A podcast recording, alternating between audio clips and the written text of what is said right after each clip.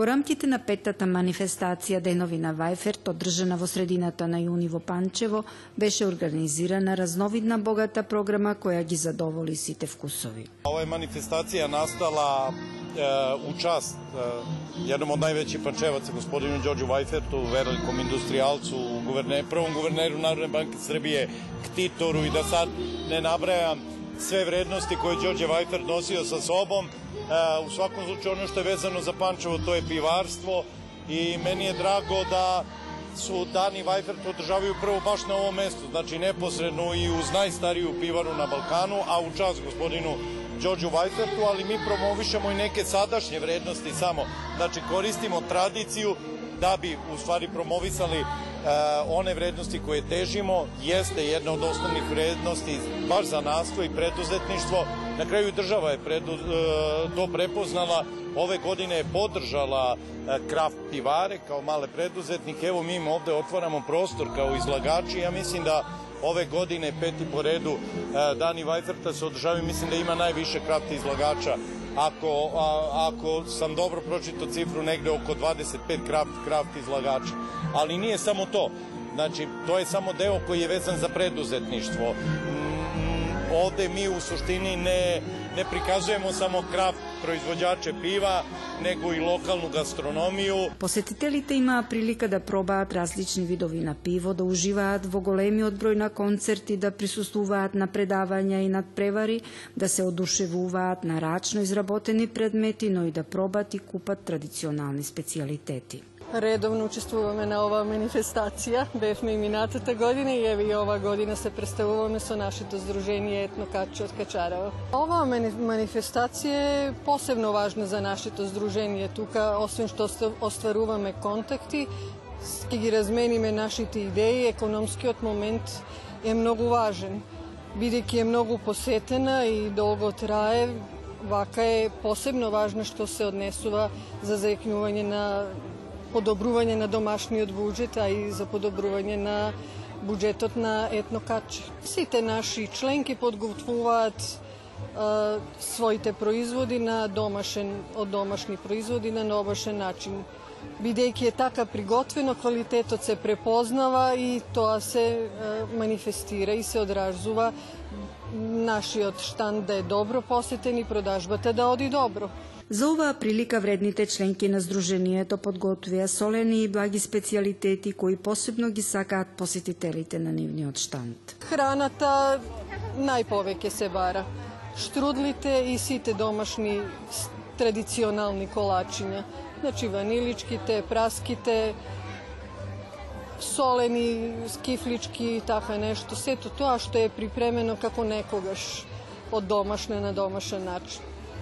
Покрај храната која е препознатлива, ние имаме и други работи кои изложуваме, така имаме и торби кои се прават исто, рачно, имаме накид кој се изработува рачно од разни материјали, полудраги камења и така секој на некој начин се представува со своите производи. Веќе 3-4 години, години се представуваме со нашите домашни производи и препознатливи сме, постануваме полека бренд, ги посетуваме сите манифестации кои се организираат и пробаме да прераснеме од локално на регионално па и меѓудржавно ниво. Освен вкусните јадења и пијалоци произведени по специјални рецепти, на штандовите може да се најдат и многу уникатни сувенири и ракотворби со кои се представуваат членовите на Сдруженијата. Нашето здружение Вештите рацисто представува со играчки изработени од памучен конец во амигуруми техника. Детски уникатен накид, ракет, венчиња за коса и шнолички. Детска облека од памучен конец, джемперчиња, пелерини, везени предмети од памук да го украсиме нашиот дом. Се дружиме, воспоставуваме контакти и разменуваме идеи. Туристичката организација на Панчево преку организирањето на манифестацијата Денови на Вајферт се труди да ја оживее традицијата, но и да го промовира туризмот и културата.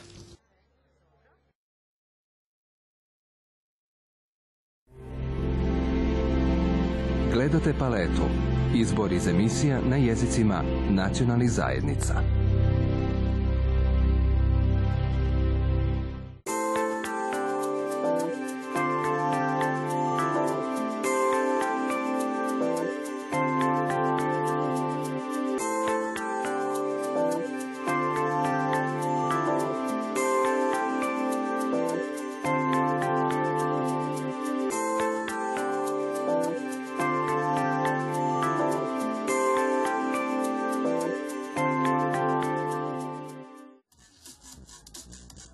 На овогодинешниот Екзит фестивал кој се одржуваше на Петроворадинската тврдина од 4 до 7 јули на повеќе од 20 бини со повеќе од 1000 изведувачи од речиси целиот свет.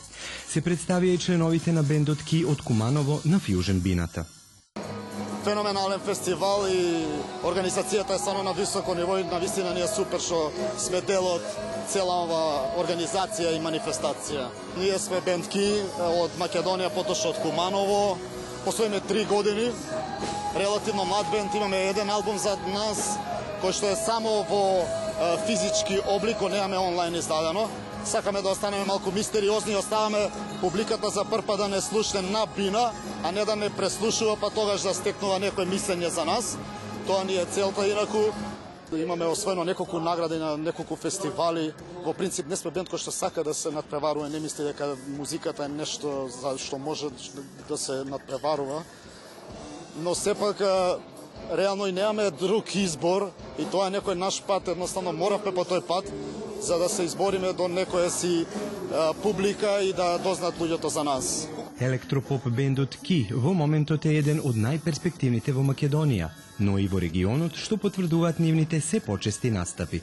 Четворица сме сега за сега, многу јасно, но самиот стил на музика бара многу повеќе луѓе, но та, тоа за некоја по-одмината фаза од нашето постоење. Инаку стилот што многу, многу не сакам да ставам да ставам музиката во некои рамки онака и во принцип од слушателите имаме различни мислења, некои го карактеризираат како индустријал рок, електро, поп рок. Имаме исто коментари дека сме пост рок, пост електро рок. На вистина бидејќи имаме многу стилови внатре во музиката, не се ограничуваме стилски и мислам дека и затоа и луѓето препознаваат разноразни стилови, а не може да кажеме дека сме конкретно еден стил на музика. А имаме луѓе кои што не се нака репер како треба да да изгледа еден бенд и како треба да се работи по однос на професионализмот. И тука има навистина многу, од Грейс Джонс преку Питер Гебриел до Депеш Мод, Мюз, значи навистина еден огромен спектар на музичари кои што ни се, ајде да кажеме, некоја рамка во која се обликуваме и се обидуваме да конкурираме со нивниот звук, ајде да кажем.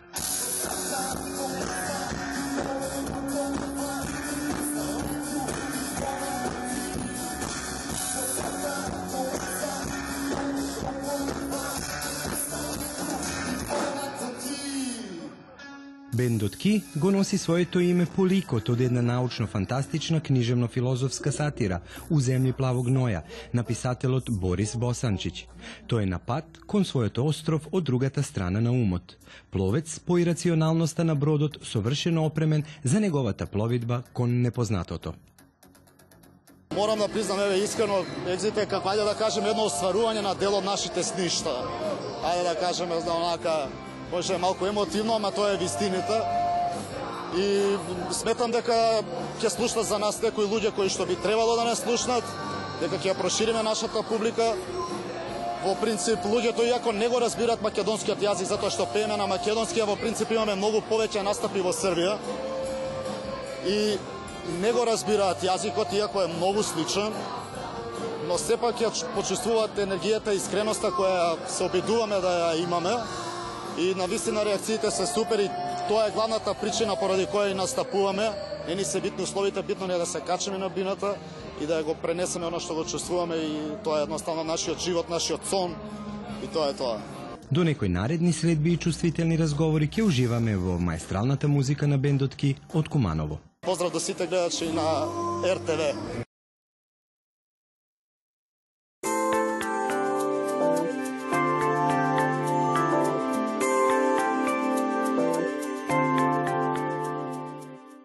Се крши стаклото под екот на снегулките. Пече. Стаклена зима е. Извиени тела на дунавскиот студ и тишина што заслепувачки сјае. Сонцето низнеа зјае и се разбива низ твоите очи стаклени, заслепува, мириса со ветришта од лаванни портокали и борови, шуми од игла, а по нив чекорам боса, со студена крв, а зовриено срце, се заденуваат твоите сенки во моите воздишки од грчеви плунка. Со студена крв, а зовриено срце, ти си заминуваш. Во поезијата на Наташа Сарджоска од Скопје, љубителите на убавиот збор во Белград имаа прилика да уживаат на книжевната вечер која се одржа на 21 мај во установата на култура на Стари град Пароброд. Ова е прв пат да дојдам во Белград како поет. А прв пат да гостувам и затоа многу сакам да му се заблагодарам на Сдруженијето на македонци Македониум во Србија за поканата и за окажаната можност, особено затоа што сме во овој прекрасен мулти мулти, како да кажам, повеќе кратен, разнолик простор уметнички, кој што инспиративен за секаков вид на уметност и творештво. За поетесата Сарджаска пишувањето на поезија е дел од животот. Таа до сега има објавено пет збирки на поезија, а првите чекори во пишување ги направила уште во основното училиште. Првата песна напишав во основно училиште, кога во Македонија се објавува Росица и другарче Тоа беа едни книжевни вестници за основни училишта и напишав песна за мојата тетка, која што работеше во авторско правна агенција и секогаш ме запознаваше со поети писатели, ме носеше на струшки вечери на поезија. И за мене тоа беше посебен свет во кој што влегував, творев и ми даваше некакво чувство на, на сила. А, мојот покоен татко беше многу строг, и до е, мојата 18-та година немав слободно излегување на вечер. И тие часови додека моите другарки одеа во диско, јас ги поминував пишувајќи стихови. А, но направив една долга пауза, не пишував може би 12 години, после првата издадена книга која што излезе во 99-та година, Сината соба. А, и потоа во Штутгарт, кога живеев, еден врнежлив ден, напишав една песна која што се вика Кожа, и му ја пратив да ја види покојниот поет Игор Исаковски. Му се допадна и тоа ми даде сила да продолжам да пишувам. Така излезе втората книга Кожа, потоа излезе Тој ме повлече со невидлив конец, Жива вода, кој што беа влегува во потесен избор за националната награда Браќа Миладиновци на Струшки вечери на поезија. А сега излезе мојата најнова книга Пета Крсна коска. Освен поезија, нашата соговорничка истражува и преведува, а со нејзиното име се подпишани и многу прозни дела. Објавувам раскази, есеи, книжевни преводи, а мојата поезија е преведена на повеќе од 15 на европски јазици, на хебрејски исто така. објавена е книга во Италија, книгата Кожа е преведена во Италија и во Соединетите Американски држави. И јас би го дефинирала тој дел од мојот живот, од мојата личност како единствен простор каде што можам да ја уживам и да живеам не само творичката, туку и личностната слобода, која што мислам дека е не, не основен услов за нашата среќа како личност. Слободата е незина главна преокупација, а темите се наоѓаат на секаде во секојдневниот живот пон со проблеми и предизвици. Претежно тоа се онтолошки теми на на лична болка, љубовна болка, но и теми на кои што задираат во болката на човештвото, на раселениот човек, на номадот, на, на мигрантот, на, на бегалецот, на луѓето кои што се лишени од дом, луѓето кои што се лишени од татковина, од припадност, луѓето кои што неодамна живеа на границите после бегалската криза 2014 луѓето кои што едноставно немаат национална политичка географска припадност. Во последната книга Крсна коска поетесата зборува за внатрешните чувства со кои понекогаш многу тешко се живее, а уште потешко се пренесуваат преку стихови.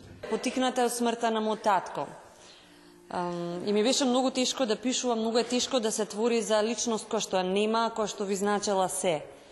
И ја пишував две години и не сакав да објавам, се предомислував. Самиот процес на творештво поминуваше низ разни фази на препрочитување, бришење, предомислување. Но јас исто така мислам дека добар поет секогаш повеќе брише отколку што пишува. А предходните книги повеќе имаат една номадска димензија, интим, интимна поезија, љубовна поезија на страст, на болка, на доживеани беспаќа, разочарувања и многу значен елемент во моето творештво е раселеништвото. Јас сум живеела во повеќе градови, сум менувала разни домови, куќи, превозни средства и никако тие простори без без конкретна карактеризација како аеродроми, железнички станици, големи градови, го обележале многу моето творештво. Па утамо наоѓам инспирацијата и многу често ми се случува да напишам песна на бординг карта, на авионски билет или на салфетка од хотел. Тоа се така мигови на незапирлива, незапирлив млас или бран на инспирација. Присутните на книжевните представувања и читателите низината поезија ја доживуваат на посебен начин. Мојата поезија е многу длабока, многу суштинска, многу тешка. Не само ангажирана, туку која што бара посебен читател, која што бара посебно не знање, па да и знање, посебни сфуматури на читање. Едноставно тоа е символична, ако ништо ви значи, херметична поезија, многу напишувана под влијание на италијанскиот херметизам, францускиот символизам и надреализам. Тоа се тие теоретски рамки во кои што би се сместила. Пораката на поетесата до читателите од сите генерации е да читаат книги напишани на хартија, да читаат и да пишуваат. Гледате палету Izbor iz emisija na jezicima nacionalnih zajednica.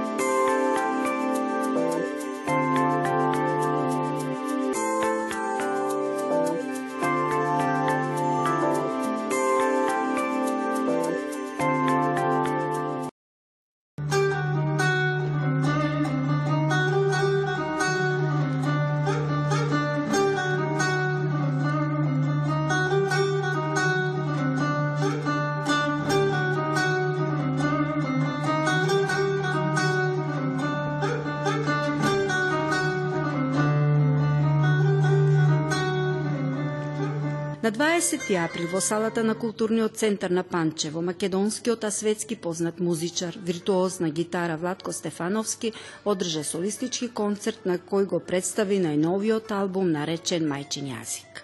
Имам нов жив албум и не само албум, туку и DVD, Blu-ray, на кој сум многу, да кажам, поносен и среќен, затоа што се работи за еден исклучителен концерт кој се одржа минатата година во Лисински во Загреб, Значи, ако, ако имав успешни концерти, а ги имав доста, овој беше стварно крем дела крем и тој албум е снимен на висока резолуција и објавен е DVD, Blu-ray и, и CD. Пред некој ден излезе тоа, пред десетина дена, да кажам. Live at Лисински. Многу добар албум, стварно. Албумот е само жива изведба на она што беше на мајчин јазик. Само изведба во живо на истите тие numeri, само малку по друга форма и на со малку по-голема концертна возбуда. Овој албум досега е представен во многу градови во земјата и странство и од страна на посетителите на секаде е прифатен со голема возбуда. Ја имав пред 10 дена концерт во Лисински, повторно во Загреб, со, со, со Загребската филхармонија и тоа беше нешто спектакуларно, на вистина. И таму го промовиравме новиот албум, тогаш прв пат се, паш, се пушти во продажба. Инаку Често патувам и свирам, имав во Бугарија некој концерт во меѓувреме, во Благоевград, имам е, наскоро во Битол еден концерт. на секаде сум, на сите страни, каде што ме викаат, таму одам. Каде што не ме викаат, не одам. Владко Стефановски во Панчево е драг гостин, а има и верна публика која со големо нетрпение го очекува неговото доаѓање. Веќе е распродаен концертот. Имам едно специјално изненадување за, за моите вечерашни гости овде. Рано е да го најавам, ама ќе имам навистина едно многу пријатно изненадување за сите гледачи вечерва. Инаку со голема со голема со големо задоволство доаѓам овде и знам дека доста македонци живеат околу Панчево и сите се поканети се разбира да го испратат и да го гледаат овој концерт. И малку барем да се малку барем да ги вратам во во јужните краеви. Мојот соработник, главниот човекот кој ми ги организира концертите токму од Панчево и тука се чувствувам, тој е како дома, на свој терен и малку сум и ја како дома, затоа што многу често со него соработувам. Така што Панчево прилично често сум овде, поминувам барем. Секој концерт е авантура за себе и не е нешто веќе видено, рече Ватко Стефановски пред неговиот настап и на вистина според вниманието со кое публиката го следи концертот и нивните коментари кои може да се слушнат и неколку дена по концертот, на вистина е така.